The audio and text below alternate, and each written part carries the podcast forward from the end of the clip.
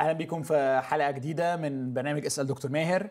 أنا بقالي فترة مش موجود بس أنا سعيد جدا إن أنا أرجع مرة كمان. أه، وبصراحة يعني أه، بتفاجئ إن هما بيغيروا كل حاجة وأنا مش موجود بس أنا أظن دي خطوة لقدام. إزيك يا دكتور؟ أهلا يا وحشتني جدا. وأنت وحشتني والحمد لله على السلامة والحمد لله على سلامة نديم. يس الله يسلمك. قول لي إيه إحساسك بقى بعد ما بقيت أب قد الدنيا؟ أيوه. آه، دي الدنيا فعلا. آه، طبعا يعني اتعلمت حاجات كتير. اتعلمت أغير دايبرز واتعلمت أكرع وأعمل كل حاجة.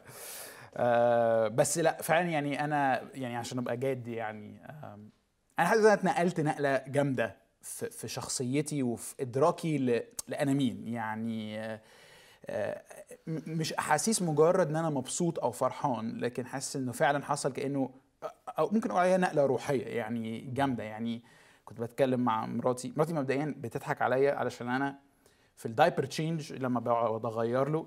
دايما في دموع بس هي أغلبها دموعي أنا مش آه، مش. آه مش هو يعني. عشان أنا عندي كده إدراك آه، جديد وأعمق بكتير قوي لم- لمحبة الآب. بحس إنه يعني بحبه حب لا يوصف حب من نوع يعني عمري ما حسيته قبل كده. رغم إن هو ولا لسه يعرفني ولا بيحبني و, و وضعيف وما عندوش أي تحكم في أي شيء كان بالحري ربنا صحيح. الآب بيحبني أنا. يعني إذا أنا أقدر أحبه هو كده الآب بيحبني أنا إزاي. آه فعندي فعلا اولموست إعلان أسميها إعلان عن محبة الآب رغم إن أنا بتكلم عن الموضوع ده كتير وبوعظ عنه كتير بس أول مرة بقى فعلا كده ومن كتر ما هي قوية فعلا بقى لحد دلوقتي يعني هو بقى له شهر يعني الموضوع مش مش بيخلص معايا يعني. لا واخد وقته معايا إني فعلا حاسس إنه لا دي حاجة مختلفة. إزاي آه الآب بيحبني كده. رائع. ف رائع. وده ال- وده الفرق بين المعرفة النظرية والمعرفة الاختبارية. صح. يعني صح. هنفضل طول عمرنا نتعلم. صحيح الكتب رائعة لكن الخبرة نفسها في الوعي بتشكل الوعي بتنقلنا نقلات في حياتنا. yes رائع. yes welcome أنا حتى بشوف التغيير كأنه يعني فاهم آه، ال- ال- الحب الأبوي في آه، يعني إنه ينزل في الوحل ويلبسه الحلة الجديدة. يا سلام. إيه رأيك؟ رائع. في ال diaper. أيوه بالظبط. ماشي. أوكي. آه، طيب دكتور ماهر ما اكدبش عليك سنة آه، يعني عايز أقول إيه مبسوط قوي قوي ب- بال بال بالشكل الجديد وكمان قررنا إن إحنا كمان نقصر الحلقة شوية فنحاول نوصل لناس يمكن بتستصعب إنها تتفرج على ساعة ونص. بس خايف شوية راجع كده على موضوع غامق شوية. يعني هي غمقت الدنيا كده ليه فجأة؟ انتكاسات وبنركز على حتت صعبة ومشينة بيحكيها الكتاب المقدس في شعب الله آه، في تاريخ شعب الله. و ليه؟ ليه؟ ليه اخترنا المواضيع دي؟ هو حسام ها؟ حسام هو اللي أقنعك بالمواضيع دي؟ آه، يعني ماشي حبيبي. لا مش حسام الراجل ما تظلمش. الراجل. آه. آه، لكن أقدر أقول إنه آم، يعني أنا قلت لحسام الكلام ده المرة اللي فاتت قلت له إحنا في دروس كتيرة قوي بنركز عليها من انتصارات شعب الله. آه، لكن ما بنقفش كتير قدام انتكاسات شعب الله. وده تقصير في حق أنفسنا وخطأ آه، يعني فادح. لأنه الحقيقة القصص الكتابية اللي بتوصف الفشل والهزيمة أكثر من اللي بتوصف الانتصارات والدروس اللي إحنا محتاجينها في حياتنا الروحية آه، بتؤخذ من الانتكاسات أكثر من الانتصارات. آه، الكتاب المقدس مش كتاب مكتوب عشان يعجب الناس. الكتاب المقدس مكتوب عشان يعالج الناس. آه، فأحيانا مش دايما العلاج بيبقى حاجة لطيفة. فالدروس اللي لينا في غاية الأهمية، لكن من جانب تاني واقعي إنه الفترة الأخيرة للأسف الشديد حدث فيها سقوط مخزي ومؤلم وموجع ويكسر قلبي شخصيا ويجعلني أشعر بالعار والخزي آه، والانكسار الشديد سقوط بعض القادة المسيحيين. إنه آه، سمح الرب أن يكشف لنا الجانب الخفي في حياتهم وكانت الصدمة المروعة لينا إنه اكتشفنا إنه الجانب الخفي لم يكن متسقا مع الجانب العلني. آه، وأعتقد إنه ده إن دي لحظة تاريخية في حياتي أنا شخصيا. آه، وأعتقد وأرجو إنها تكون تاريخية في حياة الكثيرين. إنه نبدأ ننزعج نخاف نرتعب نرتعد. آه، إذا كان هناك أي عدم اتساق بين الخفي والمعلن بين الداخل والخارج. بالإضافة إلى عشرات الدروس اللي أنا شخصيا بدأت أكتب وأتعلم آه، الدروس اللي ممكن تستفاد من سقوط هؤلاء الجبابرة اللي في يوم من الأيام خدموا ربنا و و و وكرزوا بالإنجيل بصدق وبإخلاص وأحبوا المسيح وأحبوا الناس. لكن يبدو أنهم أهملوا الكيان الداخلي فكانوا عمالقة في الإنجاز في الخارج وكان الكيان الداخلي هشا لا يصمد أمام آه، أمام عدو متربص في كل لحظة أمام عدو لا يشفق لا يرحم أمام عدو يعرف أين يصوب ومتى يصوب. آه، يتطلب الأمر حنكة وحكمة وجهاد في الداخل آه، لكي نصل إلى اللي بنحكي فيه في هذا البرنامج عشرات المرات صلابة الكينونة الداخلية الريزيلينس الداخلي القادر على الصمود أمام هجمات العدو الذي لا يرحم والتي تلاحقنا آه، في كل لحظة في صحونا ونومنا وفي بيوتنا وفي أشغالنا وفي كنائسنا وفي خدمتنا في حياتنا السرية وحياتنا المهنية وحياتنا العملية. آه، فأرجو أنه الحصاد الوفير الذي نطلع به أو نخرج به من هذه الكوارث يتناسب مع الثمن الباهظ الذي دفع. مش قادر أقول لك يا دكتور الحاجات اللي حضرتك بتقصدها يعني يمكن يجي وقت نتكلم عنها أكتر بس أنا فعلا مدرك قد إيه ناس كتيرة جدا تعبانة منها ومليانين بالأسئلة والحيرة الرهيبة. وأول مرة يعني من كلام بقى حضرتك أقدر إنه الكتاب المقدس مش بامبي فقط. لا يعني خالص. لو كان بامبي فقط ما كانش هيبقى عندنا أي أرضية نقف عليها لما يحصل البلاوي السوداء دي. بالزبط. لكن الكتاب المقدس بيدينا يعني وهنشوف probably غالبا النهارده آه في حياة شمشون بقى الشخصية الثالثة اللي هندرسها في الانتكاسات. إزاي ممكن آه, آه، يعني علمنا الكتاب المقدس بطريقة مختلفة إنه الموضوع مش بالبساطة اللي إحنا فاكرينها. وإحنا الحقيقة يوسف يعني الألم ألم على وجوهنا جميعا وصفعة على وجوه جميع المؤمنين آه، وأنا يعني آه، أشجع وأحذر. أشجع بكل قلبي أنه لا تدع هذه الصفعة على وجه الآخرين تمر دون أن تستشعرها على وجهك. أشجع على هذا. يعني أنت عايز الناس تتلخبط فعلا. آه آه, آه. طبعا طبعا أوكي. طبعا. ادخل بعمق إلى إلى أعماق هذه البلوى. وحاول أن تفهم حاول أن تسأل أسئلة عمرك ما سألتها. حاول إنك تبحث عن أجوبة عمرك ما دورت عليها. حاول إنك تناقش المسلمات اللي أنت كنت عايش بيها. ده وقت مناقشة المسلمات. يعني أنا أتذكر معاكم كفريق آه، من قبل ما حتى نصل لهذه المرحلة ناقشت معاكم أربع نقط. إنه إذا سقطت الأعمدة ماذا سيكون موقفنا من جهة الله؟ ماذا سيكون موقفنا من جهة الإنجيل وقوته؟ ماذا سيكون موقفنا من جهة القادة والخدام؟ وماذا سيكون موقفنا من جهة أنفسنا كأناس نخدم الله؟ فأنا أعتقد إن دي أسئلة مهمة جدا آه، الصفعة دي إذا مرت دون أن نستفيد منها آه، يعني ده خطأ فادح آه، وعلمنا التاريخ أننا إذا لم نتعلم من أخطاء التاريخ سنجبر على تكرار نفس الأخطاء. صح.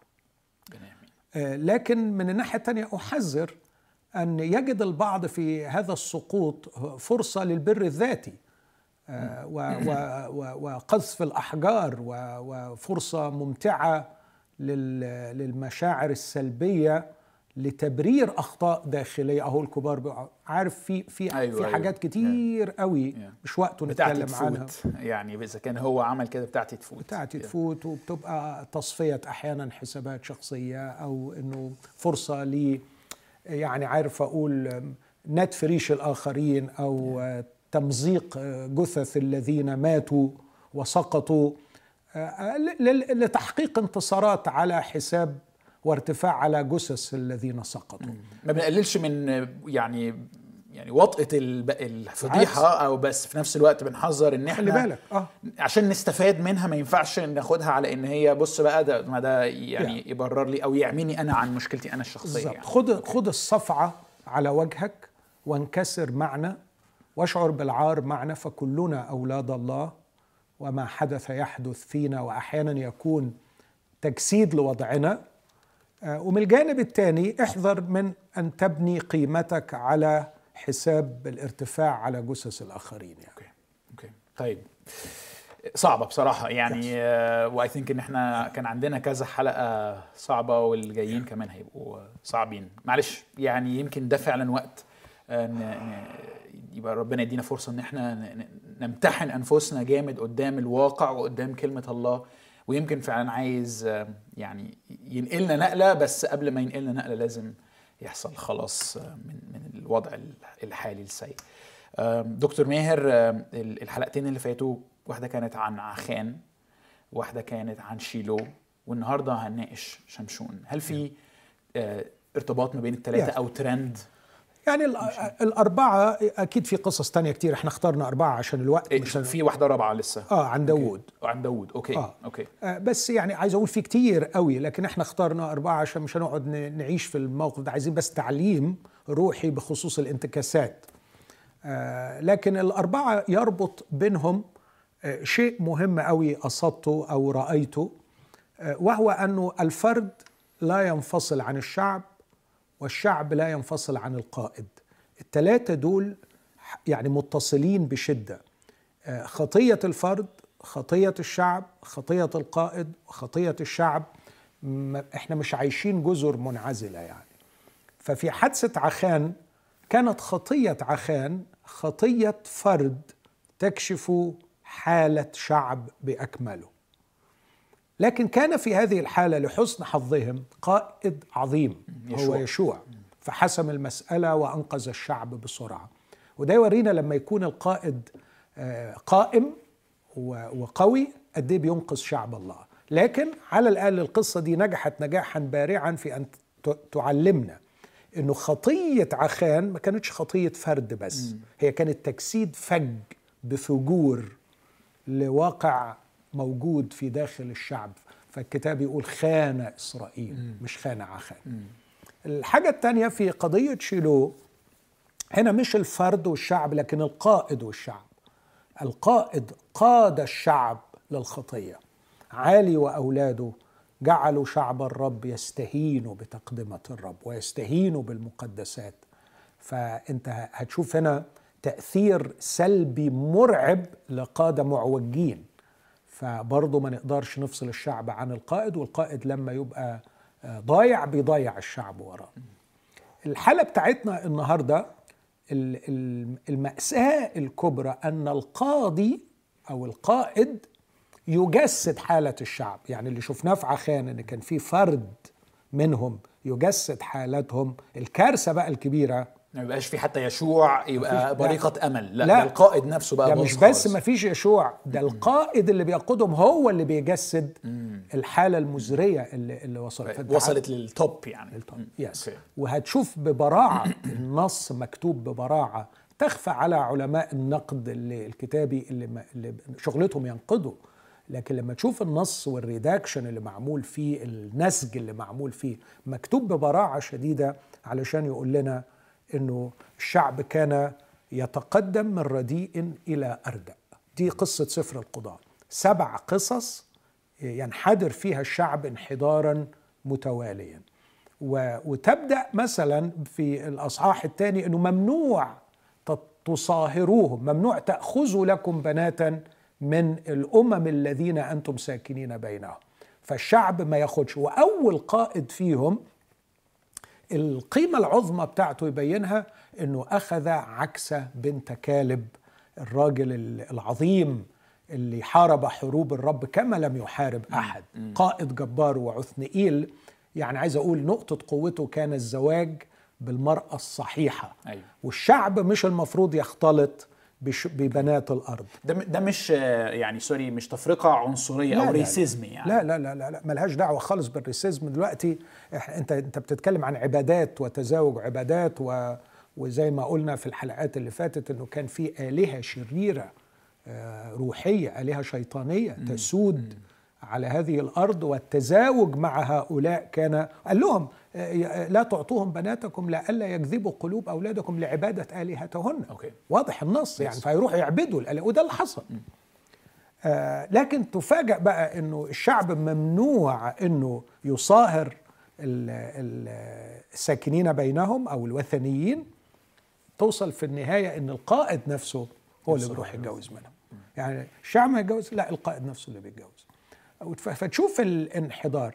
قصة مثلا متكررة عاد بنو إسرائيل يعملون الشر في عيني الرب دفعهم الرب ليد كذا فصرخ الشعب إلى الرب المرة دي وصلت أنه عاد بنو إسرائيل يعملون الشر في عيني الرب دفعهم الرب ليد الفلسطينيين ولم يصرخ الشعب فوصل اتعودوا اتعودوا خلاص, آه. خلاص آه. ففي مرة دي إن آه. ما إلى بقاش. حتى الوضع ده مضايقهم أو تعبهم فبيطلبوا مساعدة من رب بقى normal. عادي بالنسبة لهم وخد بالك إن قصة شمشون هي نهاية سفر القضاء الأصحاحات اللي آه، جاية بعد. كده 17 و18 وبعدين من 19 ل 21 دول تذييلين لأنه لما تشوفهم تاريخيا هم حدثوا أثناء حكم القضاة آه كأنهم appendix يعني مش Appendix، آه يعني بالظبط. دي دي كأنها عدسة بيسلطها على حدث حصل جوه القصة دي. بالظبط. فشمشون تاريخيا هو آخر هو الق- آه. قبل صموئيل يعني. بالظبط. okay. فهو هنا الخراب وصل إلى منتهى. okay، okay، okay. والسمة العامة الثيم أو التيمة زي ما بيقولوا لسفر القضاة إنه فعل كل واحد ما يحسن في عينيه. لم يكن هناك ملك في إسرائيل وعمل كل واحد ما يحسن في عينيه. فده الشر اللي كان سايد على الشعب.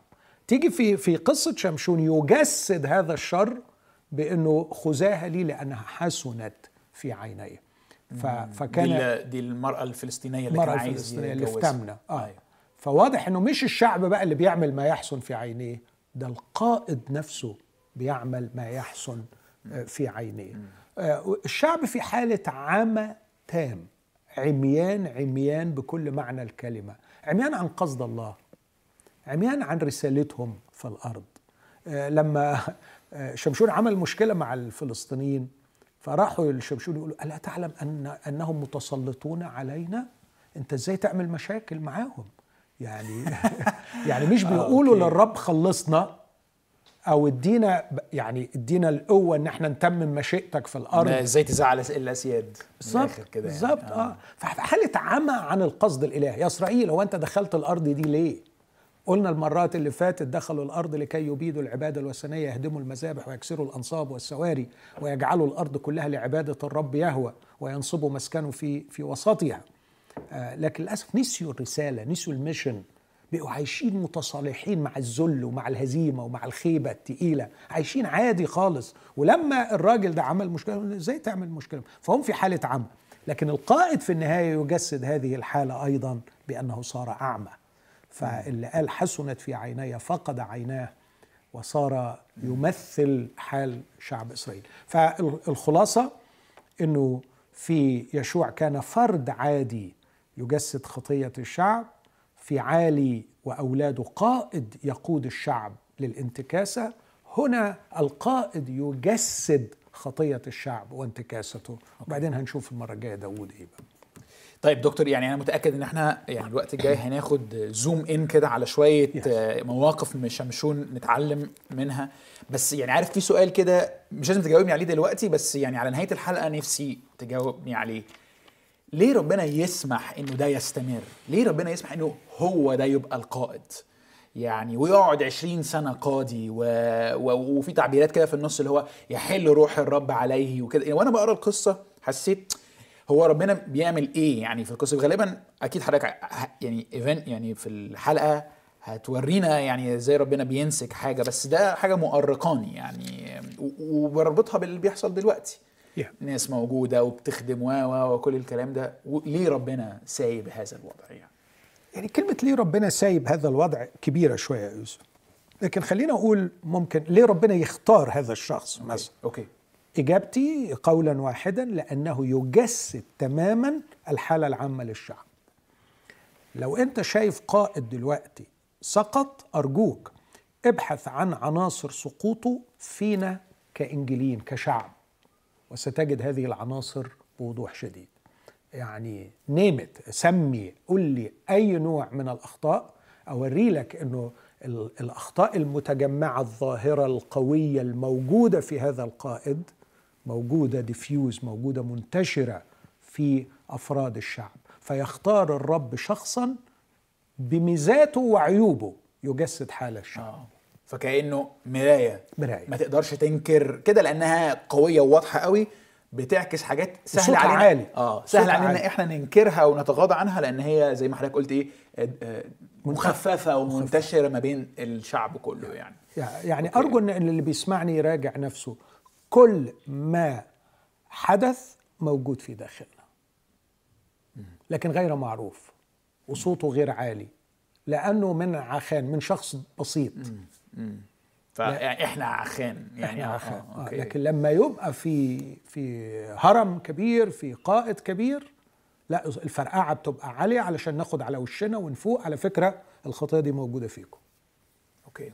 يعني- مهمة قوي يعني مهمة ومخيفة. يعني مش مش مش حد نقول هو وحش لا. ده حد بس بيورينا قد إيه إحنا وحشين يوسف 1996 من 24 سنة كتب مارك نول كتاب اسمه فضيحة العقل الإنجيلي 2004 كتب رون سايدر كتاب اسمه فضيحة الضمير الإنجيلي ودول قامتين كبار في العالم الإنجيلي هل تنبهنا كإنجيليين؟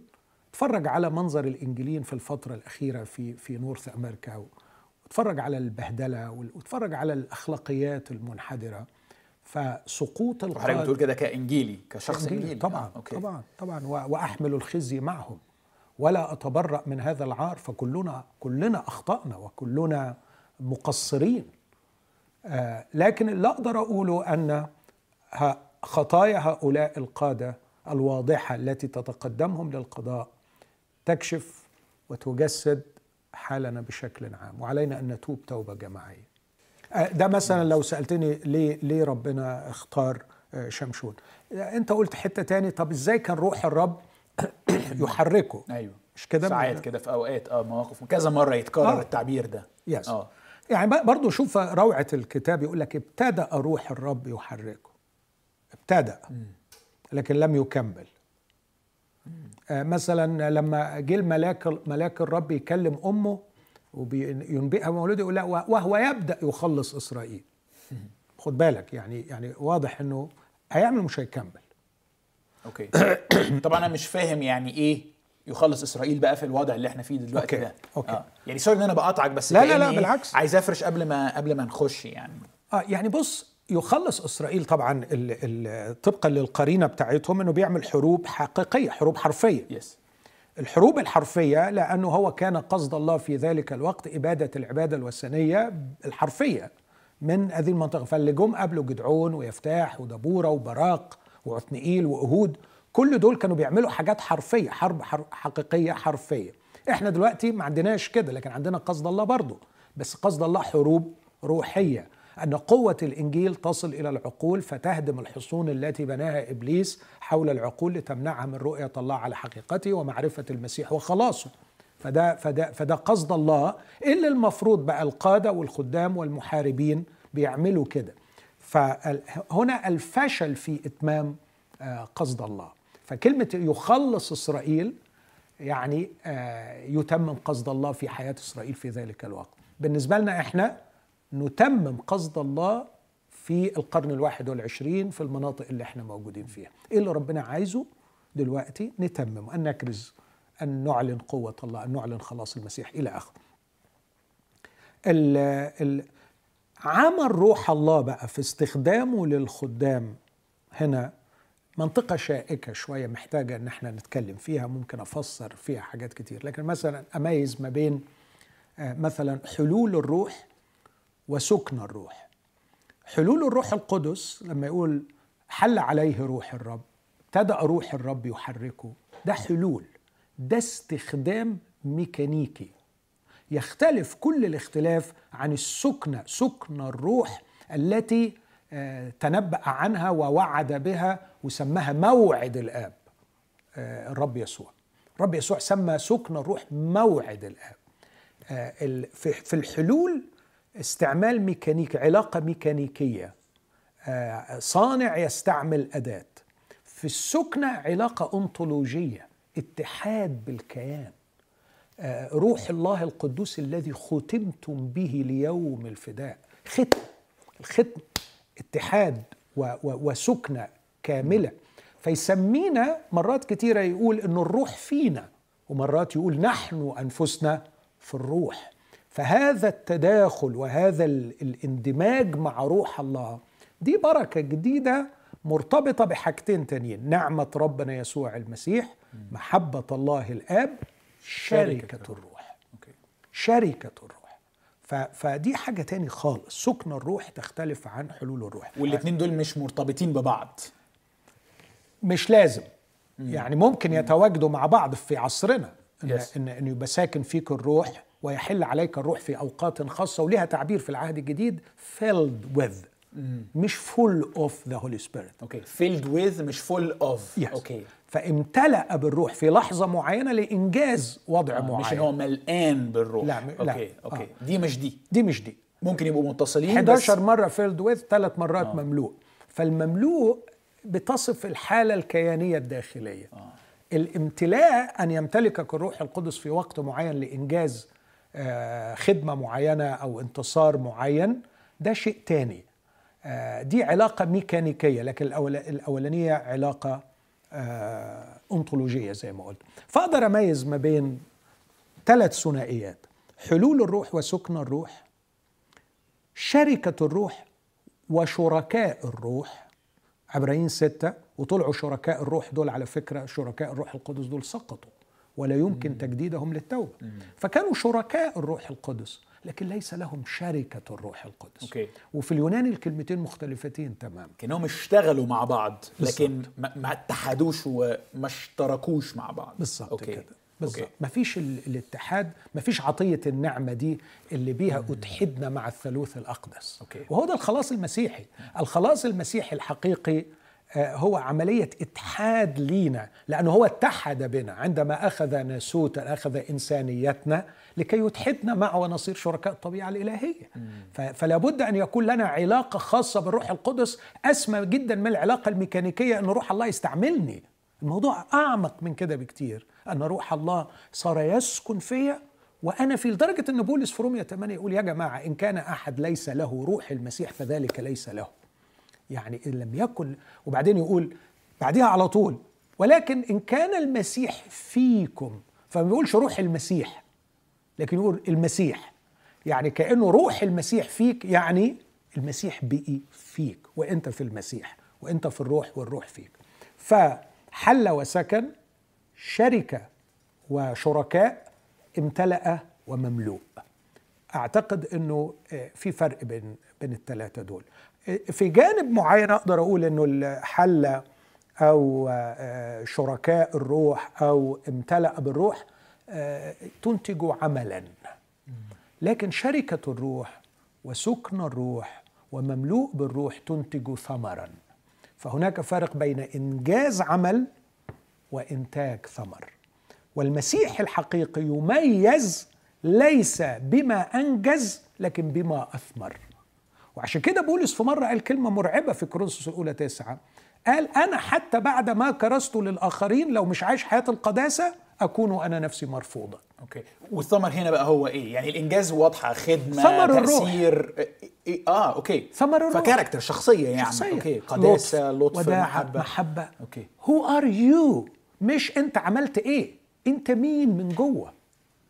إيه اللي طالع جواك اللي ربنا وحده شايفه؟ إيه الحاجات الحقيقية الداخلية؟ وعشان كده قصة شمشون مرعبة هنا لأنه في تضاد تضاد عارف التضاد في اللغة العربية؟ كان دايما يقول لنا التضاد يظهر المعنى ويبينه. تضاد مرعب بين جبروت خارجي وهشاشية داخلية. هشاشية مرعبة. تخيل إن زن واحدة ست عليه بنت بتزن عليه يقول لك ضيقته حتى الموت. هموت حبيبي اسم الله عليك. هيموت. مش قادر. مش قادر يتع. ده اللي بيقتل بلحي حمار 3000 راجل أو 1000 راجل. كومة كومتين بلحي حمار كومت كومتين. فقوة خارجية جبارة وهشاشية داخلية. هذا هو الفرق بين حل الروح وسكن الروح بين إنجاز الروح وثمر الروح. وده ممكن تبقى حتة كده بداية ان إحنا نفهم إزاي ممكن يبقى في حد ناجح ومؤثر وبينجز إنجازات ضخمة في الخدمة أو في العمل أو كده بس يطلع في الحقيقة مش كده أو يعني مش بقى حياته الداخلية بقى فيها خداع وشهوة و... وادمان وهكذا. صح؟ صح. وهنا في حتة خطيرة قوي يا يوسف.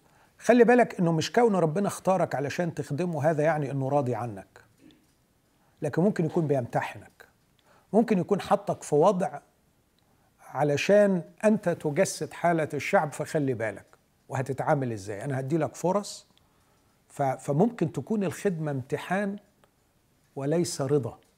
أعتقد إن يهوذا ما كانش الرب راضي عنه يهوذا الإسخريوطي. بس أنا مش بقول انه إنه الباقيين كلهم زي يهوذا يهوذا كان غير مؤمن من الأصل.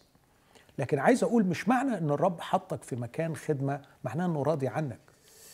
عايز أقول لك دي مرعبة. مرعبة. مرعبة ليا كخادم مبدئيا إن أنا هبقى بقى تقريبا بمشي ألف حوالين روحي. هو Please، أنا كده فعلا. من آه أنت فضلك. عايز نعمل كده. آه، أوكي. اترعب من هو أنا. فعلا اللي أنا فيه ده و و و وتأثير ال- عارف لما حد يجي يقول لي أنت أثرت فيا اتعلمت منك ربنا يباركك. هو أنا كده.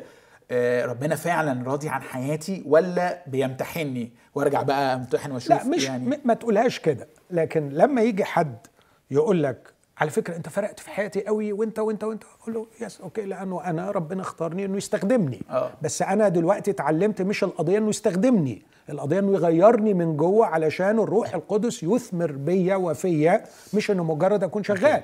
حضرتك بتقعد سبع سنين في كلية الطب بتتعلم بتنجز طب. أنا ربنا اختارني أكون خادم فبنجز خدمة والخدمة بتاعتي بتفرق. زي ما الطبيب بيكتب دواء بيساعد العيان الخادم بيخدم خدمة بتساعد الناس. فكونه بيقول لي فرقت معاه يا حبيبي ما عملتش أنا ما عملتش ما أنا ممكن أبقى حضرت كويس وحضرت موضوع مبهر وخلاص يعني. فكوني فرقت معاك علشان الخدمة بتاعتي أنا عملت شغلي اللي أنا ماليش فضل فيه. يا. ربنا اختارني واداني الخدمة دي واداني الموهبة دي. فعملت الخدمة والخدمة نجحت. لكن هذا لا يعني إني من جوه أنا مرضي عنه أوكي. طيب مرعبة بقى ليه تاني؟ يعني مرعبة ليا كخادم ومرعبة ليا كمخدوم.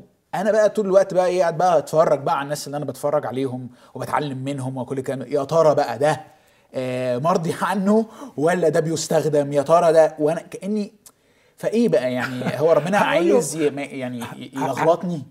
يعني هديله كده آه، ربطة خفيفة على كتفه. أيوه أيوه. قول له حبيبي فوق. مش شغلتك خالص إنك تقعد تحكم عليه وتقول يا ترى بيستخدم ولا بيمتع خليك في نفسك يا حبيبي واستعمل الكلام اللي بيقول ده عشان أنت تبقى من جوه كائن أفضل. بص الرسول بولس حسم القضية دي في كروس. ما إحنا لو نقرأ كلمة ربنا بتدقيق يا يوسف كل الكلام ده على فكرة موجود في الكتاب عشرات المرات. الرسول قال لهم مين خدمكم أكتر واحد؟ ومين أنتم دليل على رسوليته؟ ما أنا ربنا استخدمني معاكم وجبتكم من الوثنية وبقيتوا مؤمنين. فقال لهم كده ألعلنا نحتاج إلى رسائل توصية منكم أو إليكم؟ أنتم رسالتنا. أنتوا الرسالة اللي, اللي تأكد إن أنا استخدمت من الله لأن أنتوا دلوقتي جيتوا من الوثنية وكنتوا في حالة مرار. منكم كان يعني ناس عايشة في الشر ونجاسة لكن اغتسلتم بل تقدستم بل تبررتم وأنا اللي ربنا استخدمني. بس على فكرة لا تحكموا في شيء قبل الوقت. ما تقعدوش تحكموا فيا.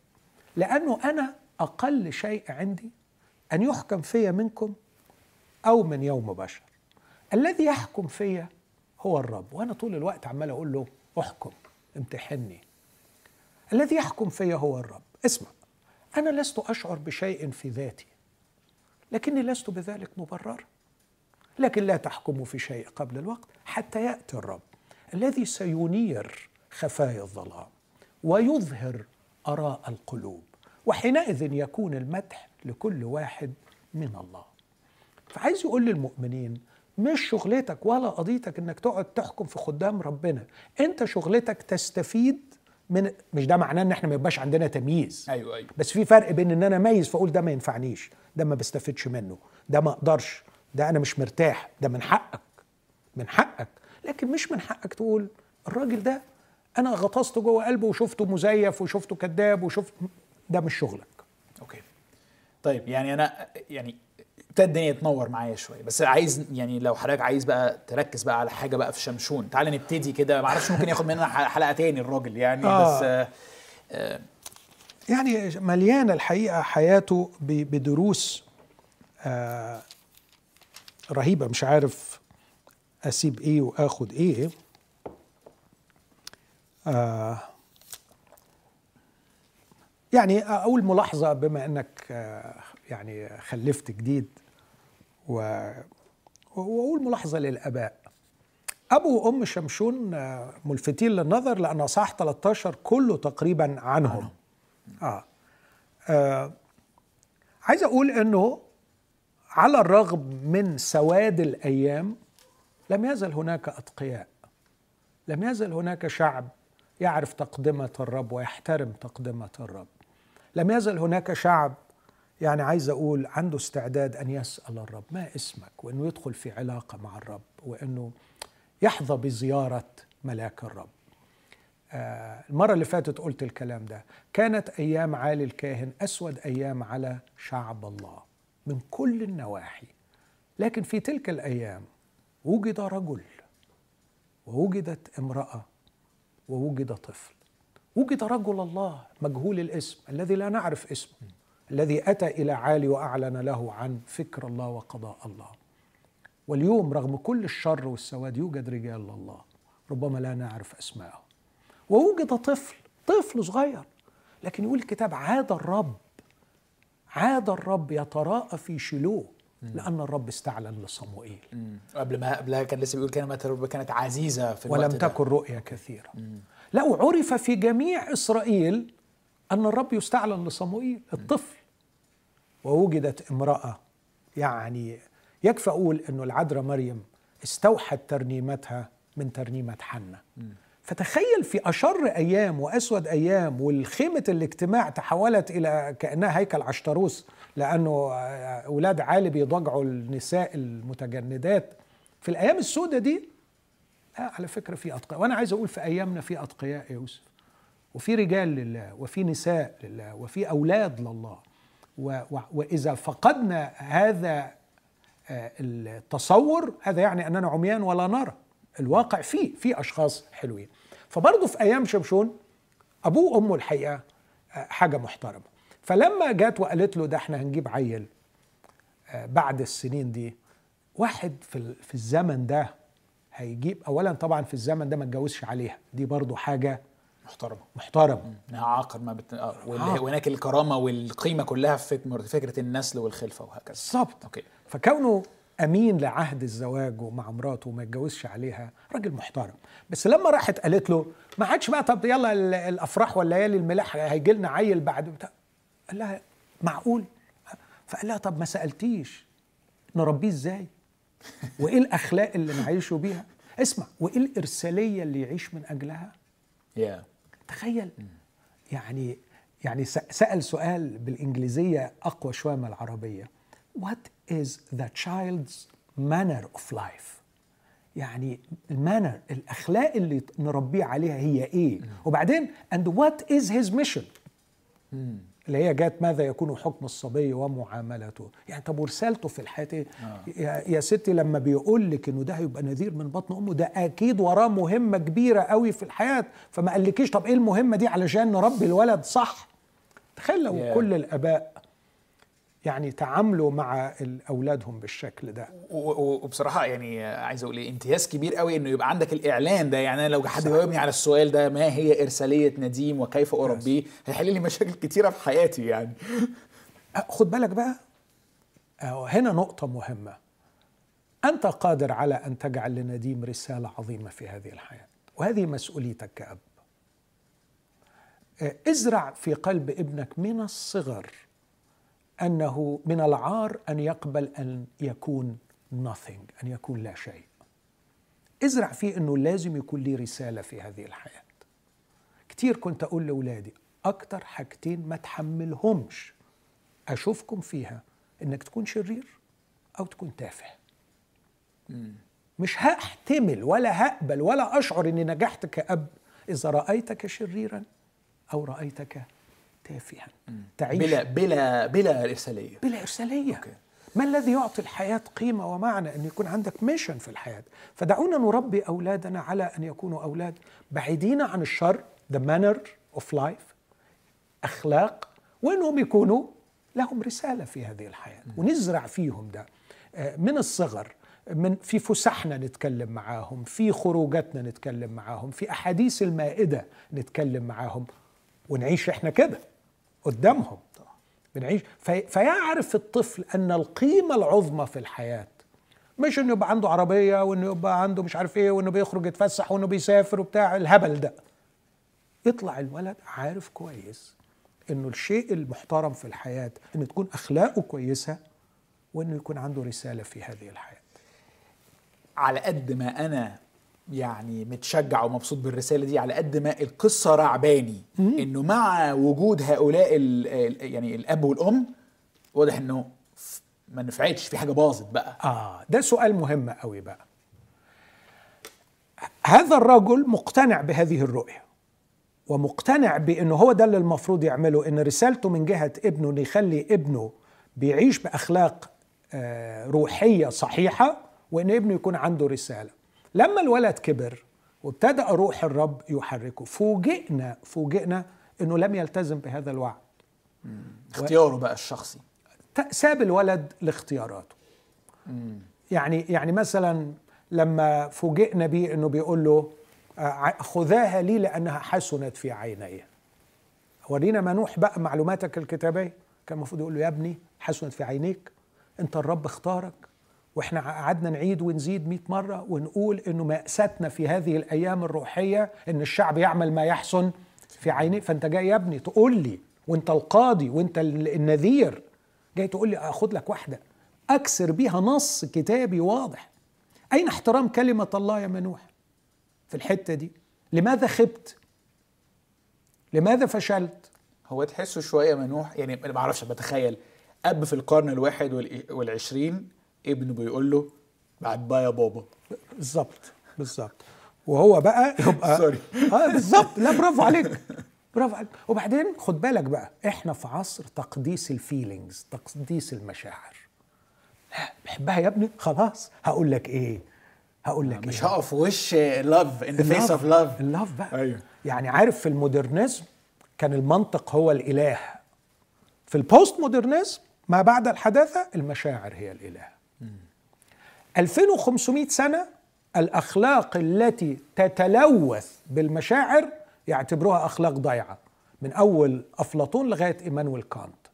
بعدين جه في الفترة الحالية الأخلاق هي أخلاق المشاعر اللي أنت حاسه اللي يخليك اللي يخليك to feel good اللي يخليك حاسس كويس.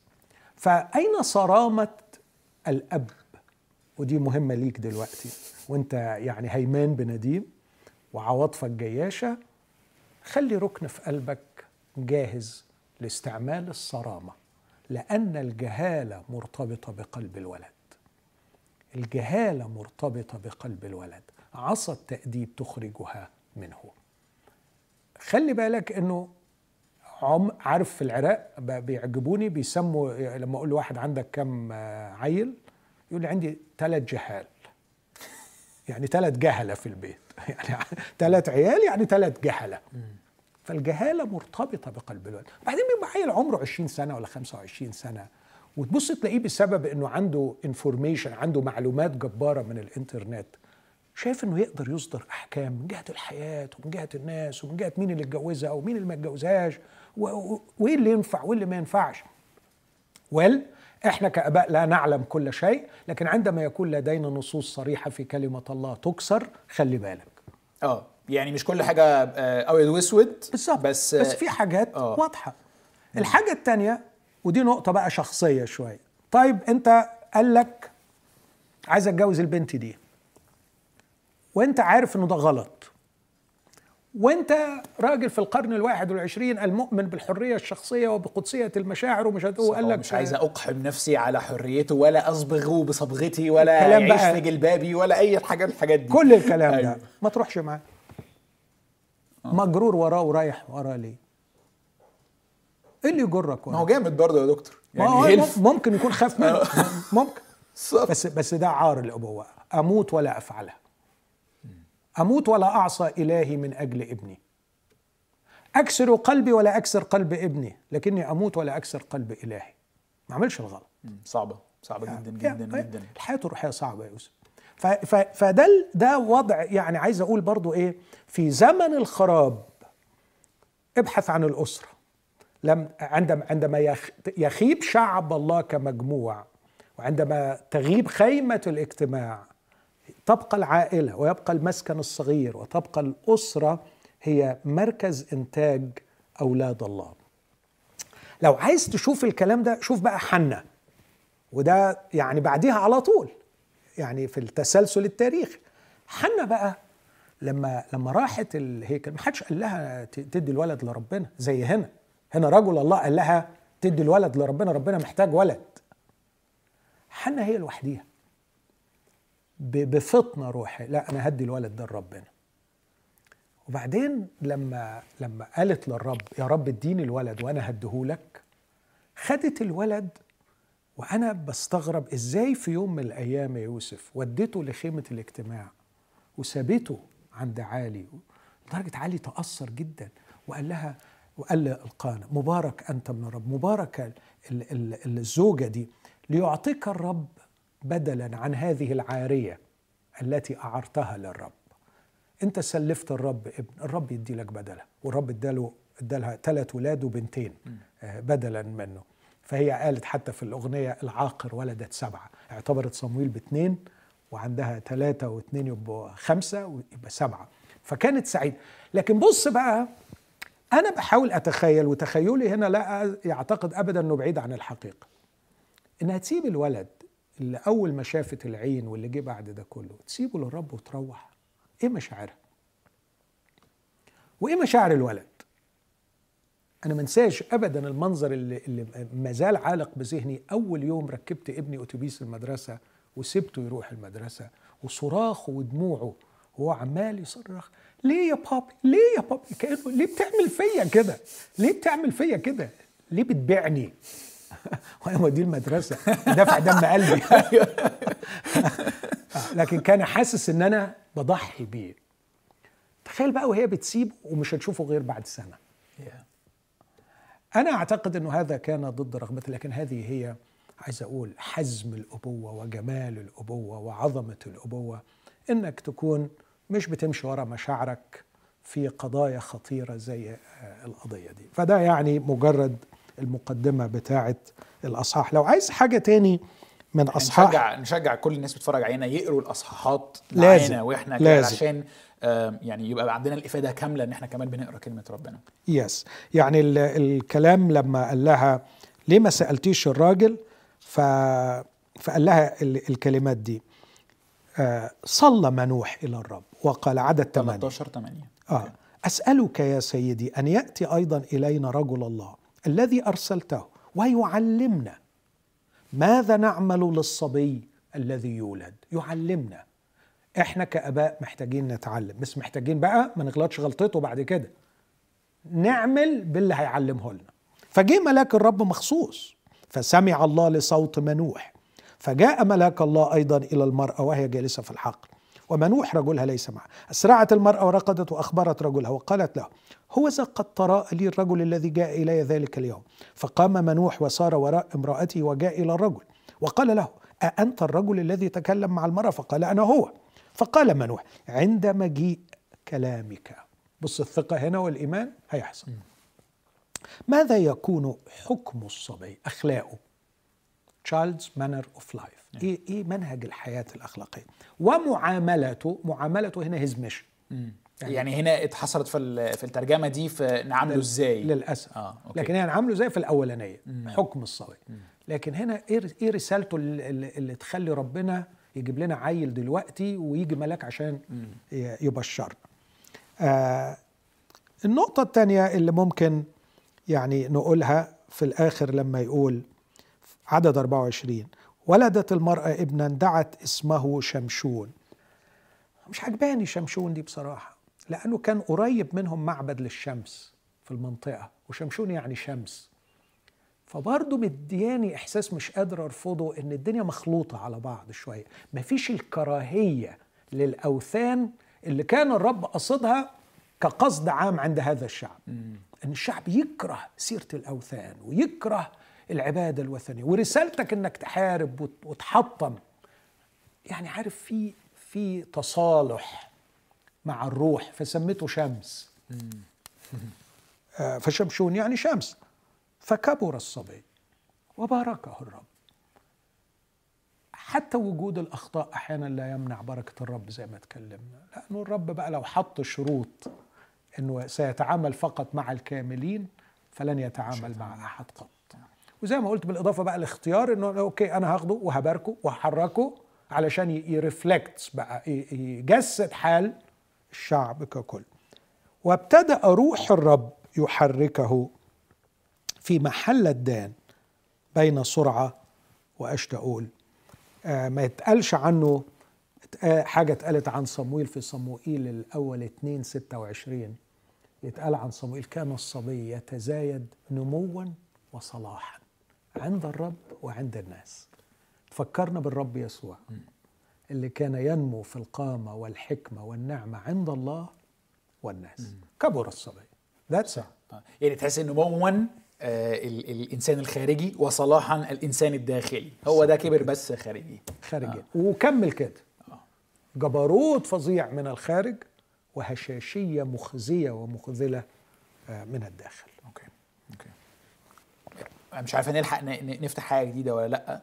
لكن واحدة مثلا من الحاجات اللي كانت دايما مضايقاني في في في قراية القصة يعني إني إني فعلا بحسه بحس فيها سنة سخرية يعني. هو يعني آه بيروح وبيرجع بي بي بي بي بيهزر بيعمل حفلات بي بي بيعمل فوازير تقول له أربطك إزاي أنا ما أعرفش يمكن نتكلم أكتر في الموضوع ده المرة الجاية بس أنا عايز أتكلم على ال character عموما مفيش جدية مفيش سيريسنس yeah. وأنا أعتقد إنه ده يوسف بيجسد حالة الشعب ككل إنه مش شايفين إن في مصيبة سوداء إن في معبد جنبيكم ومش شايفين مصيبة سوداء إنه في عبادة وثنية وإنه الأرض دي اللي الرب اختارها أن يسكن اسمه فيها محاطه بعبادة لآلهة غير الرب. الموضوع مش فارق معاهم. يعني خلينا هفن خلينا نتبسط. عايزين نعيش. عايزين نتبسط. يا جهلة ربنا مديكم امتياز أن تحاربوا حروب الرب. عارف القصة دي؟ لما نكمل بقى الحكاية وجي شاول وبقي ملك. وفشل فشل ذريع. وبعدين جه داوود لما تشوف المقابلة ما بين شاول وداود كانت دايما في كلمة واحدة أنه يحارب حروب الرب.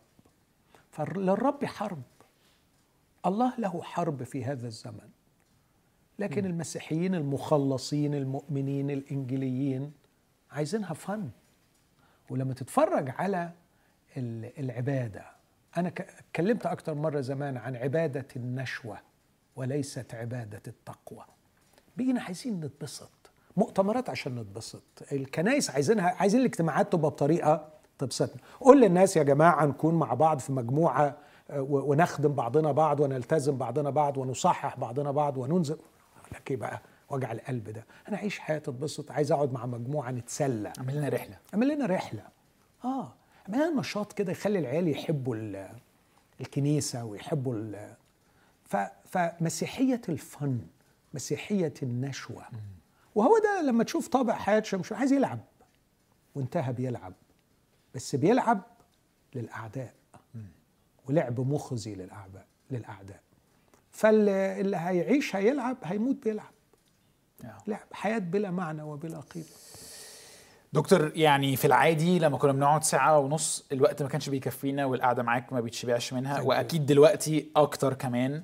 فأنا متأكد إن إحنا هيبقى عندنا أوقات تانية نكمل مع شمشون ونتعمق أكتر ونشوف بقى الحاجات الصعبة اللي في القصة دي. يمكن أوقات صعبة بنمر بيها كشعب ربنا وإحنا بنسمع عن أخبار ناس تضايقنا.